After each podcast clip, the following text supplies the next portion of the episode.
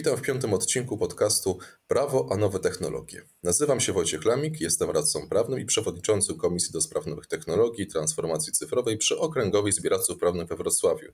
Jest mną również mecenas Marta Kruk, radca prawny, specjalistka z zakresu prawa nowych technologii i własności intelektualnej, również członek tej komisji. Dzień dobry Marta. Dzień dobry Wojtku, dzień dobry Państwu. W poprzednim odcinku razem z mecenas Katarzyną Załęską oraz Martą rozmawialiśmy o marketingu prawniczym, innymi z perspektywy inicjatyw samorządu radcowskiego, takich jak tworzenie wyszukiwarki szukajradcy.pl oraz promocji związanej z tym portalem. Dzisiaj razem z Martą chcieliśmy pociągnąć temat marketingu prawniczego e, Kancelarii Radcy Prawnego z naszym dzisiejszym gościem. Miło nam powitać mecenasa Tomasza Palaka, radcę prawnego, prelegenta, autora artykułów na tomaszpalak.pl i w prasie, tym m.in. jako felietonista wprost. Siedmiokrotnie na podium konferencji I Love Marketing, występował również na InfoShare, TEDx i licznych innych wydarzeniach. Tomek jest również wykładowcą na kilku uczelniach, a także ekspertem proszonym o wypowiedź przez podmioty zewnętrzne, np. Rzeczpospolitą czy też Prawo.pl. Pan mecenas jest również autorem książki Internet a Prawo. Rozmowy z nim prowadzą m.in. w ramach audycji Mała Wielka Firma czy też Dzień Dobry TVN. Tomek jest również organizatorem cyklicznego wydarzenia Crash Mondays, a jak prywatnie jest gitarzystą. Dzień dobry, Tomku. Dzień dobry, witajcie i witam Państwa słuchaczy. Zacznijmy może od czegoś, co troszeczkę z Martą poruszaliśmy w poprzednim odcinku, ale chcieliśmy też poznać e, Twoją opinię w tym zakresie.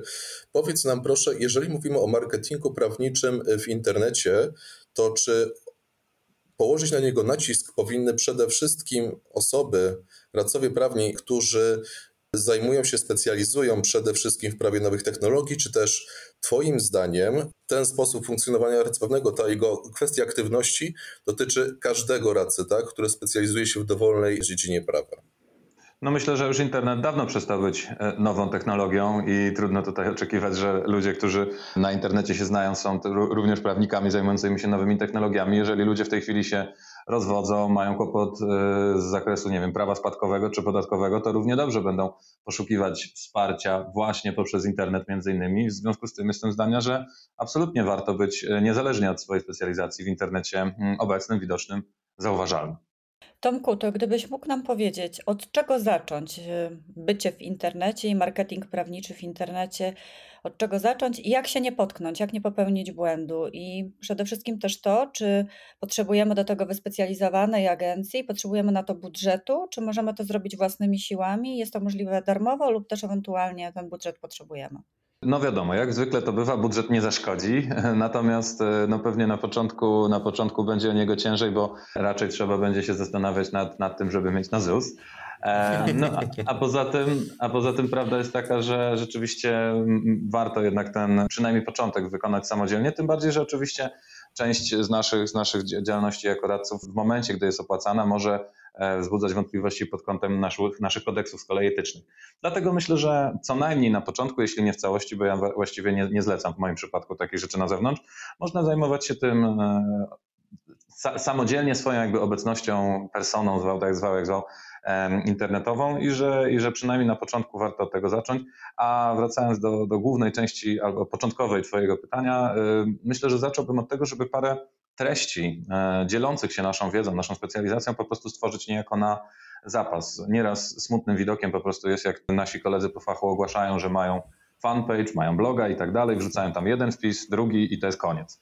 E, więc nawet jakby już miało się okazać, że nam nie starczy energii, regularności, zapału, czasu, nie wiem czego, tam różne są usprawiedliwienia, jakie w tym kontekście słyszę, e, ale no, że czegoś tam nie starczy, no to żeby się chociaż okazało, że nie starczyło, jak tych e, treści jest tam, nie wiem, kilkanaście, dwadzieścia parę. Więc pierwsze, co bym rekomendował, to na przykład w kontekście bloga czy fanpage'a stworzyć sobie kilka tych rzeczy na zapas, żeby nie wyglądało tak smutno, jeżeli jednak uznamy, że to nie dla nas.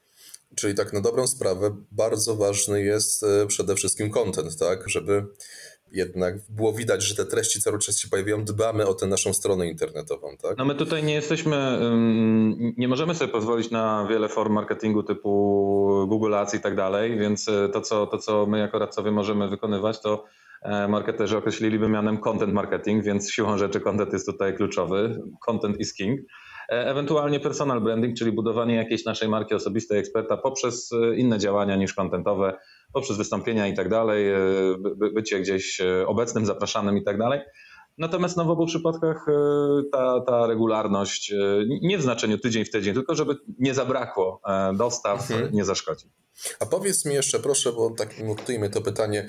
E, kiedy przeglądam wielokrotnie różne blogi, posty różnych kancelarii prawnych radców, prawnych aplikantów, nawet radcowskich, mm, zauważam taką tendencję, że e, wielu z nich e, tak tworzy swoje artykuły, swoją treść, jakby kierowały ją częstokroć pod kątem wysokości specjalizacji, szczegółowości i merytoryczności, nie pod kątem klientów na przykład, którzy mogli to przekładać, ale załóżmy pod kątem innych radców prawnych i aplikantów radcowskich, czyli e, czy Twoim zdaniem to trochę się nie, nie wyklucza, tak? ponieważ e, no, wychodzimy z założenia, że marketing prawniczy kierujemy przede wszystkim naszych potencjalnych klientów i czy Twoim zdaniem, jak właśnie powinniśmy tworzyć te artykuły, takie będące naszym contentem, tak? czy one być powinny kierowane na takim właśnie wysokim, szczegółowym poziomie merytoryczności, e, gdzie mogliby z tego skorzystać radcowie prawni i inni profesjonalni pełnomocnicy, czy też raczej, żeby to było tak przystępne dla takiego przysłowiowego Kowalskiego, który odwiedza naszą stronę internetową w poszukiwaniu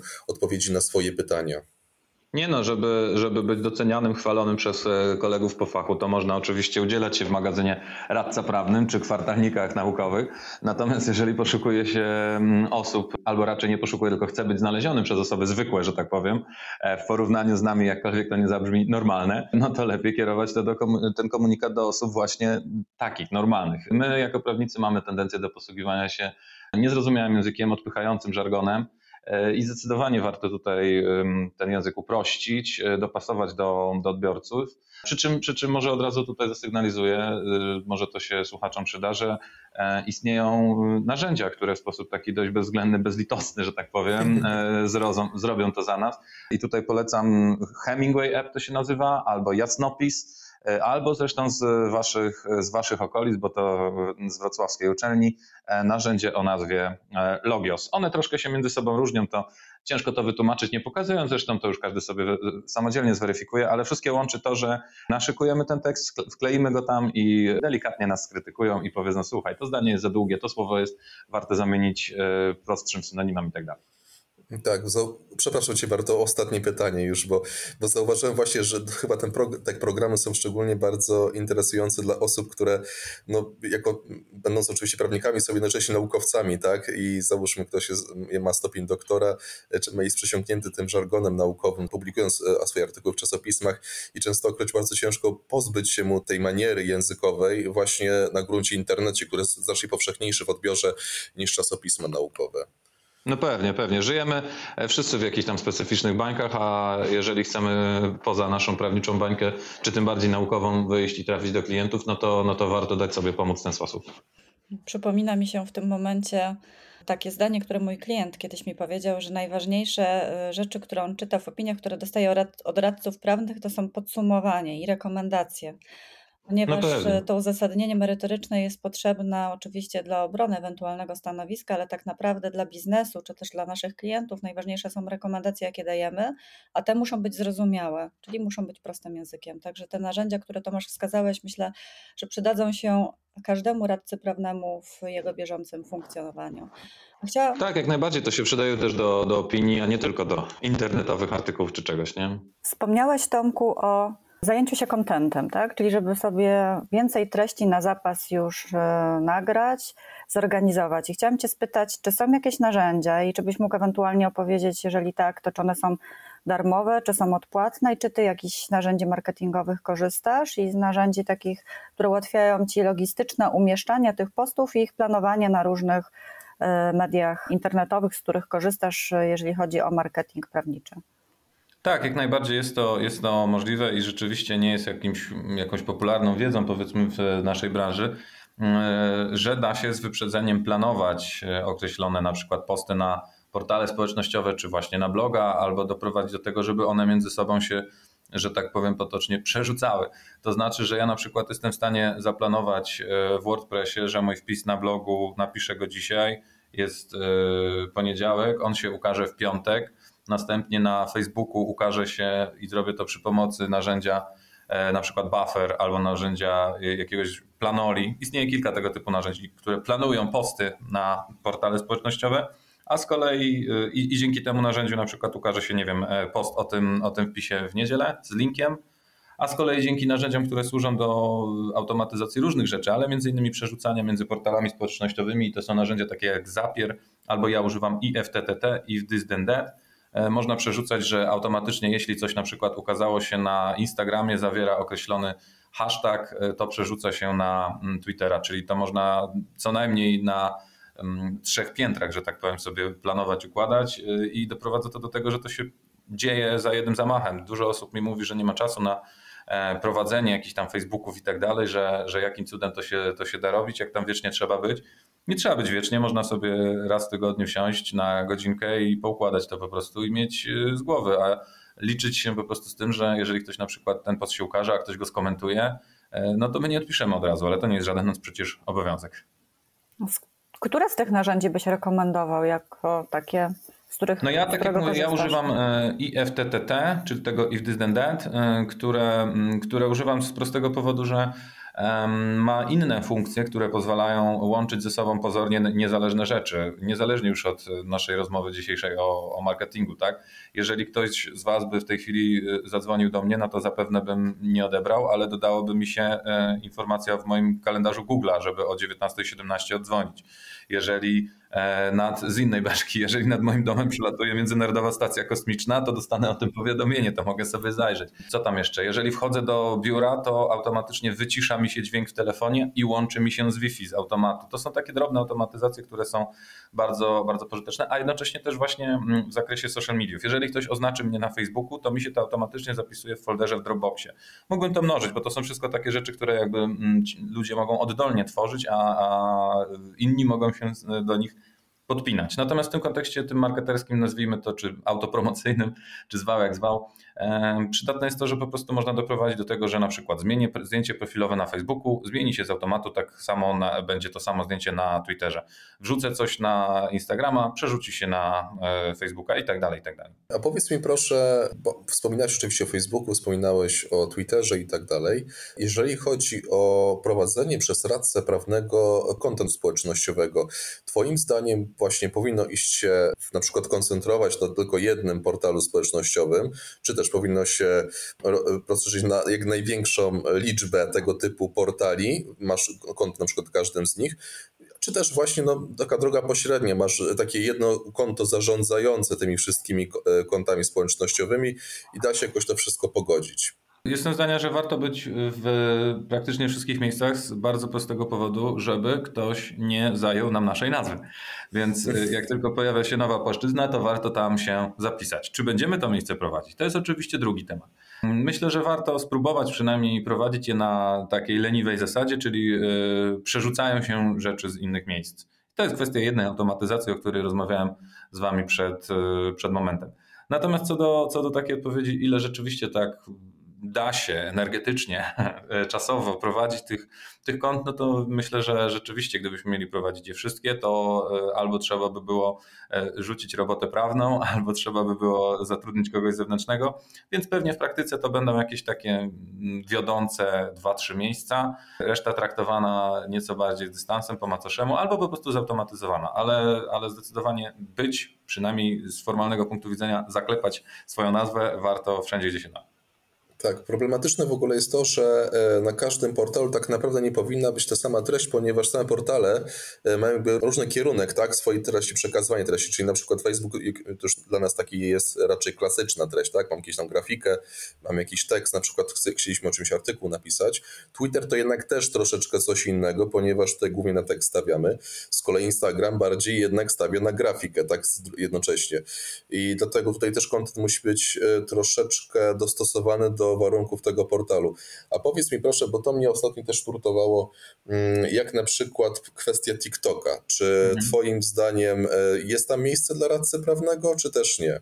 No pewnie, wszędzie jest. Tak samo na TikToku. E, trzeba się wyzbyć e, myślenia, że jest to platforma w jakiś sposób, nie wiem, głupia, dziecinna, zwał jak zwał, bo po pierwsze wcale tak nie jest, bo większość użytkowników jest całkiem, mówiąc potocznie, podrośnięta.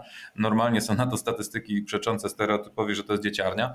Po drugie, mhm. ta, brzydko mówiąc, dzieciarnia za 2-3 lata pójdzie na studia, będzie szukała y, mieszkania, y, umowy wynajmu będzie nawiązywać.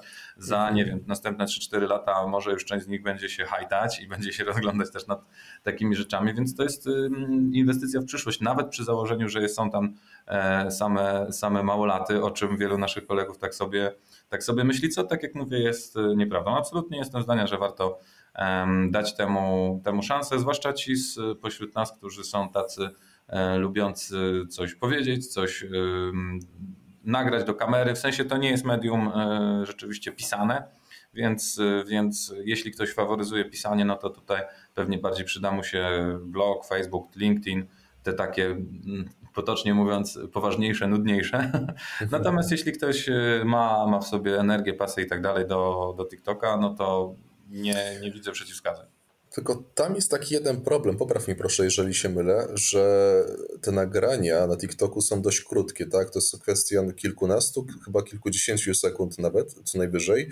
I właśnie tutaj wiele osób ma wątpliwości, jak mogę użyteczną wiedzę mhm. dla drugiej osoby przekazać e, w tak niewielkim okresie, tak? W tak małej jednostce czasu. Nie, no są przecież takie sprawy, w których e, da się to odpowiedzieć e, zero-jedynkowo. To jest tylko kwestia sformułowania pytania. To nie jest tak, że my mielibyśmy w tej chwili powiedzieć, odpowiedzieć na pytanie, ja się posłużę przykładem prawa autorskiego, niech będzie, tak? E, czyli co przysługuje mi, jeśli ktoś mi coś zabrał, co jest moją, moim prawem autorskim i lecimy cały artykuł 79, no to to faktycznie nie zmieści się w 15 sekundach, bo tam jest y, mnóstwo różnych opcji. Zdecydowanie. No, no. Natomiast są takie kwestie, jakby przede wszystkim pytania sformułowane na zasadzie wyliczanka trzech rzeczy. Znajdziemy miejsca w prawie, które są wyliczanką powiedzmy trzech rzeczy, albo nawet pytania zarynkowe. Należy mi się, nie należy mi się, albo do kogo pójść, jak to się mm, załatwia. To też można e, zauważyć, że mm, popatrzeć sobie na to, co ludzie wpisują w Google. To kolejne narzędzie mogę polecić do tego, które nazywa się Answer the Public. Przy pomocy narzędzia Answer the Public wpisuje się w wyszukiwarkę. Niech się nasi odbiorcy nie boją, że tam taki śmieszny robocik będzie na nich patrzył na tej stronie, ale wpisuje się na przykład spadek. No i wyskakują y, rzeczy, których mm, użytkownicy szukali w kwestii spadku. I można się y, bardzo, bardzo miło zaskoczyć, y, o jakie rzeczy pytają, w tym znaczeniu, że samemu by się na to nie wpadło, bo na przykład dlatego, że żyjemy w bańce i niektóre rzeczy są dla nas zbyt oczywiste. Okay. Bo na przykład niektóre rzeczy wcale są intrygujące nawet dla osób, które w spadkach siedzą na co dzień, czy tam odpowiednio w rozwodach i tak dalej.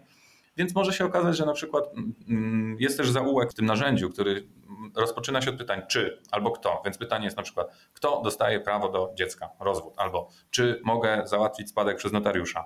No to to są rzeczy, które da się odpowiedzieć w te kilkanaście sekund, a już tym bardziej, że, że tam chyba do, do minuty nawet się da. Uprzedziłeś moje pytanie, Tomku, bo chciałam Cię właśnie spytać, jak komunikować, od czego zacząć, gdzie szukać inspiracji na treści. No to zdecydowanie przy pomocy tego narzędzia tych inspiracji nie, nie zabraknie. Ja, ja ogólnie prywatnie inspiracji mam z reguły aż nadto i z tego też powodu niejednokrotnie moje, moje rzeczy, które się gdzieś tam na blogu pojawiają, zwłaszcza na blogu, bo to już są takie dłuższe powiedzmy formy, to ja mam z półrocznym, nieraz rocznym czasem zaplanowane, kiedy się kiedy się będą ukazywać i kolejne inspiracje spływają na mnie najczęściej z zapytań klientów. Natomiast jeżeli ktoś rzeczywiście nie ma tego w sobie i nie wie od czego zacząć i nie chciałby mieć artykułu, zajmuje się powiedzmy rozwodami i rozpoczynać artykuł rozwód w rozumieniu kodeksu rodzinnego i opiekuńczego jest to bla, bla, Jak mówili starożytni Rzymianie. No, jeżeli ktoś nie, y, ma w sobie tyle, tyle jakby że tak powiem, bezpiecznego podejścia i świadomości, że to może nie być najbardziej porywająca treść, na jaką go stać, no to rzeczywiście od tego narzędzia na przykład bym zaczął, od tego, co ludzie szukają na forach, od tego, co po prostu niech się zastanowi nad jakimiś ciekawszymi sprawami, które dotąd mu się, mu się zdarzały, oczywiście bez, bez naruszania jakiejś tajemnicy radcowskiej, tak, ale mm, da się tutaj wyłonić jakieś ciekawe historie. Mm, ludzie lubią historię od zawsze. Dowiadywaliśmy się życiu, o życiu jeszcze przy ogniskach o, o, na, na, podstawie historii innych osób, które na przykład poszły w tamte krzaki i nie wróciły, więc to jest historia, że tam jest tygrys. Więc ludzie lubią, lu, lubią historię i przy pomocy historii na pewno jesteśmy w stanie kogoś mm, zaintrygować, jeśli mogę to tak nazwać. E, więc co najmniej z tych, z tych źródeł bym, bym czerpał jakieś, jakieś inspiracje, tematy, o czym o czym się podzielić, czy to na blogu, czy właśnie w tych krótszych formułach, o czym rozmawialiśmy w poprzednim pytaniu na, na TikToku, czy tam gdziekolwiek. No i chyba jeszcze to, o czym już kiedyś wcześniej rozmawialiśmy, e, czyli to, co jest teraz e, hot newsem, czyli to, co teraz się dzieje, budzi ewentualnie No tak, jakieś no dyskusje oczywiście- opinii publicznej, też można pociągnąć te wątki prawnie No tutaj na tym wypłynąć można, i można, zostać stać, zauważonym.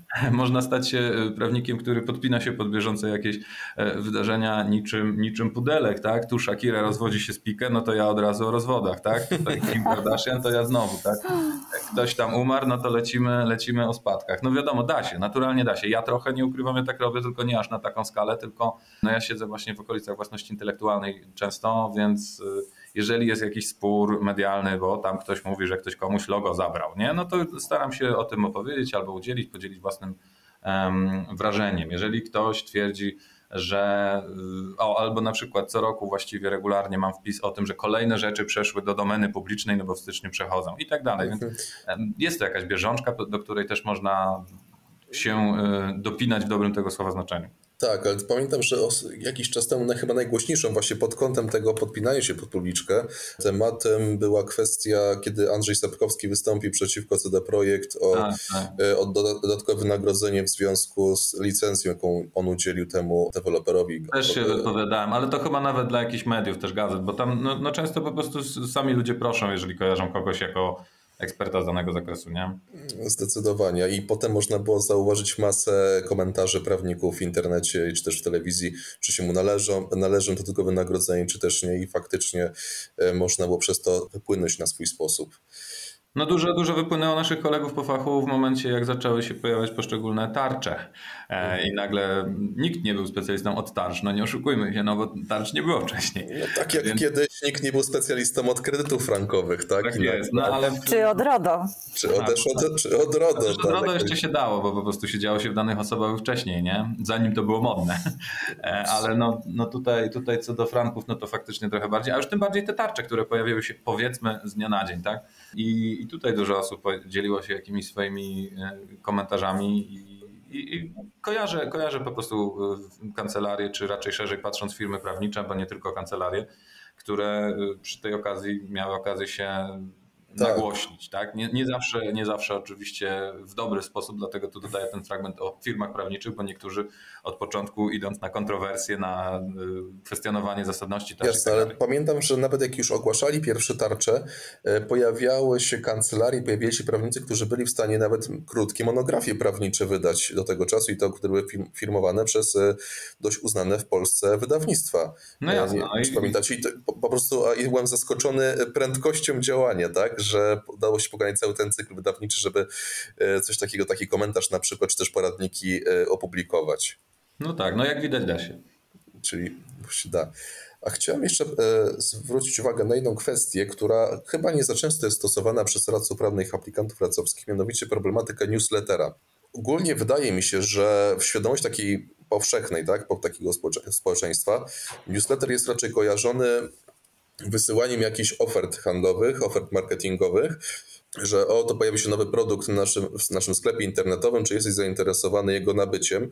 Natomiast jednocześnie newsletter może posłużyć jako taka, mm, taka prasówka dla naszych potencjalnych klientów, którzy by na przykład polubili newsletter, co do na przykład no, najnowszych zmian w prawie, najnowszych, najnowszych orzeczeń, które mogą być interesujące dla odbiorców, którzy mogą zastosować to w praktyce. Co o tym sądzisz? Powiedz mi proszę. Jak najbardziej, to znaczy mi się wydaje, że, że jeśli ludzie zapisują się na newsletter prawniczy, to raczej nie z taką intencją, żeby dowiadywać się o kolejnych e, produktach, tudzież sukcesach kancelarii i kolejnych tam nagrodach, które sama sobie przyznała, e, tylko z intencją tego, żeby być bezpiecznym w środowisku prawnym, w którym się znajdują, a umówmy się, że środowisko prawne, zwłaszcza w Polsce, zwłaszcza przedsiębiorców, y, no nie jest różowe i warto być na bieżąco i nie jest to łatwe.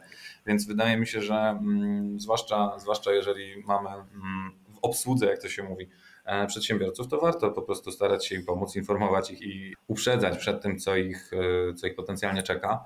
I nie ma naturalnie nic złego w tym, żeby przy, przy okazji informować, że jest się w stanie pomóc, tak? że ma się na ten temat swój własny artykuł, swój własny pogląd. Ale zacznijmy od tego, że w ogóle te potencjalne zmiany występują i jest jakaś tam tego typu sytuacja, więc da się tutaj po prostu, to jest kwestia być może rzucenia raz na jakiś czas paru newsów, nie? Tym bardziej, że, tym bardziej, że również pojawiają się pojawiają się narzędzia takie jak od Wolters Kluwer e, Legal Arrest, które to automatyzują w ten sposób, że samemu się niejako wybiera tylko, które newsy z tych, które się otrzymało, mhm. puszczą się do, do naszych, naszych odbiorców z naszej, z naszej listy, więc tutaj coraz mniej jest potrzebne mm, robienie tej, tej własnej prasówki, selekcji i tak dalej. Okej, okay. to też zauważyłem, że w ogóle najwięcej chyba tego typu newsletterów pojawia się właśnie jednak wśród branży e-commerce, tak? Że tam najczęściej chyba dochodzi, czy stosunkowo często do zmian w prawie. Zwłaszcza teraz na przykład wchodząca dyrektywa Omnibus. Trudno to porównać, bo każdy mówi, że jego branża jest oczywiście najtrudniejsza, najbardziej specyficzna i pewnie gdyby którejś z naszej trójki, bo ile się nie mylę, żadna nie jest osobą siedzącą na przykład w prawie budowlanym, pewnie gdyby którejś z naszej trójki było, to by powiedziało, o, ty, ty nie masz pojęcia, co tam się dzieje, co za zabawa. Więc to zależy, tak? Więc yy, to zależy, to oczywiście najlepsze słowo, jakiego prawnik może użyć. W każdym razie wydaje mi się, że nie ma co tutaj dokonywać jakiegoś porównania, rywalizacji. Zaryzykuję tylko tezę, że faktycznie może być bardziej to usługa newslettera, którą kierować będziemy do swoich odbiorców, może być bardziej ciekawa, interesująca dla przedsiębiorców. Tak mi się wydaje, ale też mogę nie mieć racji, ze względu na to, że no, oni mają kłopot, jeśli o jakimś tam obowiązku się nie dowiedzą i nie chcą się dowiadywać z dnia na dzień, że mają nagle krajowy system e-faktur, że mają skrzynki do e-doręczeń. Wolą tego nie dowiadywać się w większości z dnia na dzień, a raczej jeśli już się i tak prawdopodobnie w połowie przypadków zabiorą się za to z dnia na dzień, ale wtedy odkopią ten nasz newsletter tak. i będą się czuli powiedzmy... Tak, albo zorientują się po fakcie już na przykład rzeczywiście. Czy tak Też naturalnie bywa, no ale wtedy mamy czyste sumienie, że zrobiliśmy co mogliśmy, e, uprzedziliśmy ich, e, no i, no i w kontrze powiedzmy do, do tego, że ciężej mi sobie wyobrazić po prostu, że jeśli kogoś odpukać raz rozwiedliśmy, to raczej miejmy nadzieję, że nie będzie potrzebował tej usługi ponownie i nie będzie czytał newsletterów o rozwodach, nie? Nie, nie, życzę mu tego w każdym razie. A, a mogło, mogłoby to być na przykład niezręczne, gdyby jego obecna żona czy obecny mąż to zobaczyli, tak? Więc tutaj to jest oczywiście nieco, nieco inna sytuacja, natomiast zasadniczo wydaje mi się, że przede wszystkim przy, przy przedsiębiorcach, którzy no, chcąc nie chcąc muszą być regularnie na bieżąco, a środowisko jest takie, że co chwilę wymaga, wymaga świadomości, że jest jakaś nowa zmiana, także przedsiębiorcy zwłaszcza. Chciałam Cię spytać jeszcze, Tomku, o, e, o to, czego nie robić, e, jeżeli chodzi o marketing e, prawniczy w internecie, czyli tak, żeby jakiś, ustrzec się przed jakimiś błędami. Wydaje mi się, że to już przejawiło się kilka z takich rzeczy gdzieś tam u nas po drodze, tak? Czyli nie, mm, w sensie u nas naszej dzisiejszej rozmowie, nie, nie lecieć żargonem i nie być niezrozumiałym. Nie koncentrować się na sobie i tym, że się tam ma jakieś, nie wiem, właśnie tytuły, nagrody, sukcesy, bo to nie do końca jest to, czego odbiorca oczekuje. Nie popełnić takiego błędu, że odpuszcza się jakieś medium, bo uważa się, że jest e, nie dla mnie dziecinne albo, albo coś takiego. Nie popełnić takiego błędu, który właśnie często ja widuję na początku, że najpierw robi się mnóstwo szumu wokół swojego nowego miejsca zaułka internetowego, bo założyło się fanpage, czy tam profil na Instagramie, czy, czy bloga. E, no a potem za 2-3 lata ktoś tam wejdzie i to zrobi nam więcej szkody niż pożytku, bo ktoś pomyśli, ok, to jest osoba, która była w stanie wrzucić jeden post e, i tyle, i to może nie jest taki prawnik, e, którego bym chciał przy, przygarnąć jako własnego, skoro to jest osoba, której zabrakło zapachu na coś takiego. Więc jestem, jestem zdania, że warto tutaj, tak jak mówiłem, chyba w odpowiedzi to na, na pierwsze z pytań, coś sobie naszykować, jakiś, e, jakiś zapas. Ja tak zrobiłem e, i, i cały czas właściwie tak jest, że jeśli odpukać e, po naszej rozmowie walnie mnie auto, to jeszcze będziecie przez parę miesięcy się zmagać z moimi treściami, bo po prostu cały czas to jest zaplanowane do przodu. Nie? Czyli wyklucza jakieś potencjalne, ewentualne odpukać, jak już wskazywałeś, ryzyka, które mogłyby zakłócić dostarczanie kontentu tak na Twojej strony. Rzeczywiście jest to na swój sposób bardzo odkrywcze.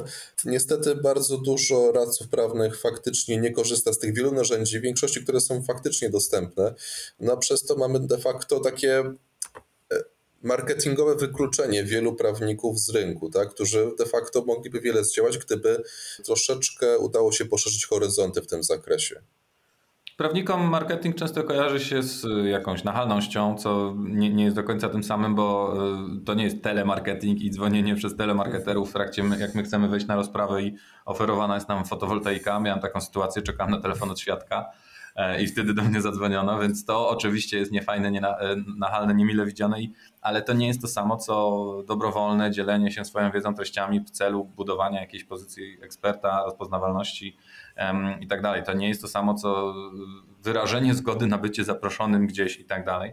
Więc to po pierwsze, marketing nie musi być jakiś, nie, nie wiem jak to nazwać, niefajny, nachalny i, i to nie, nie trzeba być jakąś osobą, mm, co też jest takim mitem, z którym nieraz się zmagam, jakąś skrajnie ekstrawertyczną gwiazdorem, żeby być tutaj pożytecznym dla świata i po prostu po cichu dzielić się swoją treścią. Mógłbym mnóstwo przytoczyć osób, e, o, o, których nie mam opinii i przypuszczam, że one same o sobie również, że są jakimiś, że tak powiem, e, lwami salonowymi, e, ale po prostu robią po cichu dobrze swoją robotę i super i ludzie na te treści trafiają i do nich trafiają ostatecznie również jako, jako potencjalnie klienci, więc to nie musi w ten sposób wyglądać. No i oczywiście obawa niejednokrotnie jest, że to jest drogie, co też niekoniecznie akurat w naszym, naszym kontekście musi być e, i że wymaga mm, zastosowania jakiegoś wsparcia zewnętrznego, co oczywiście nie jest złe i może być skazane, zwłaszcza jeśli to jest wsparcie, które jakby bardziej naszą branżę rozumie, a nie jesteśmy wrzuceni między snopowiązałki a korniszony, więc tutaj oczywiście można by się zastanowić nad jakąś specjalizacją takiej potencjalnej agencji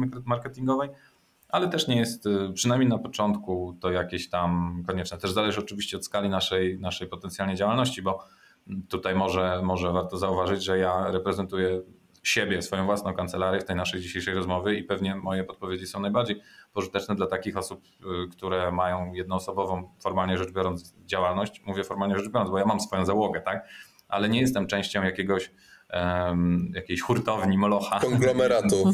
prawników, tak, który, który może się tutaj podeprzeć taką dźwignią ich, ich dotychczasowej mm, widoczności. Jasne. To cóż, nasza rozmowa powoli zmierza do końca. Tomku, bardzo dziękujemy Ci za poświęcony czas, za masę pożytecznych wskazówek i puentą dajże tego naszego dzisiejszego spotkania jest, żeby nie bać się korzystać z tego marketingu prawniczego, brać w sprawę też w swoje ręce i jednocześnie starać się być cierpliwym i systematycznym przy utrzymywaniu tej działalności marketingowej, tej aktywności. Jeszcze raz dziękuję. Dziękujemy. Drodzy e, słuchacze, dziękujemy za wysłuchanie tego odcinka i zapraszamy do kolejnego, następnego. Wszystkiego dobrego i do usłyszenia. Do usłyszenia.